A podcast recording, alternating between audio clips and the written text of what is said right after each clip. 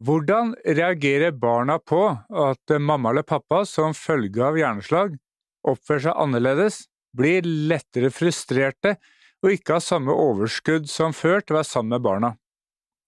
I podkasten Slagpappa skal jeg snakke med slagrammede, pårørende og fagpersoner om hvordan kognitive senskader etter hjerneslag påvirker familielivet med barn. Du skal få en større forståelse for hvordan den nye hverdagen kan bli, og få vite mer om hvilke tilbud slagrammede og pårørende får gjennom dagens behandling og rehabilitering, og hvor det er forbedringspotensial.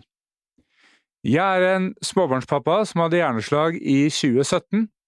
De første episodene av denne podkasten kommer denne våren.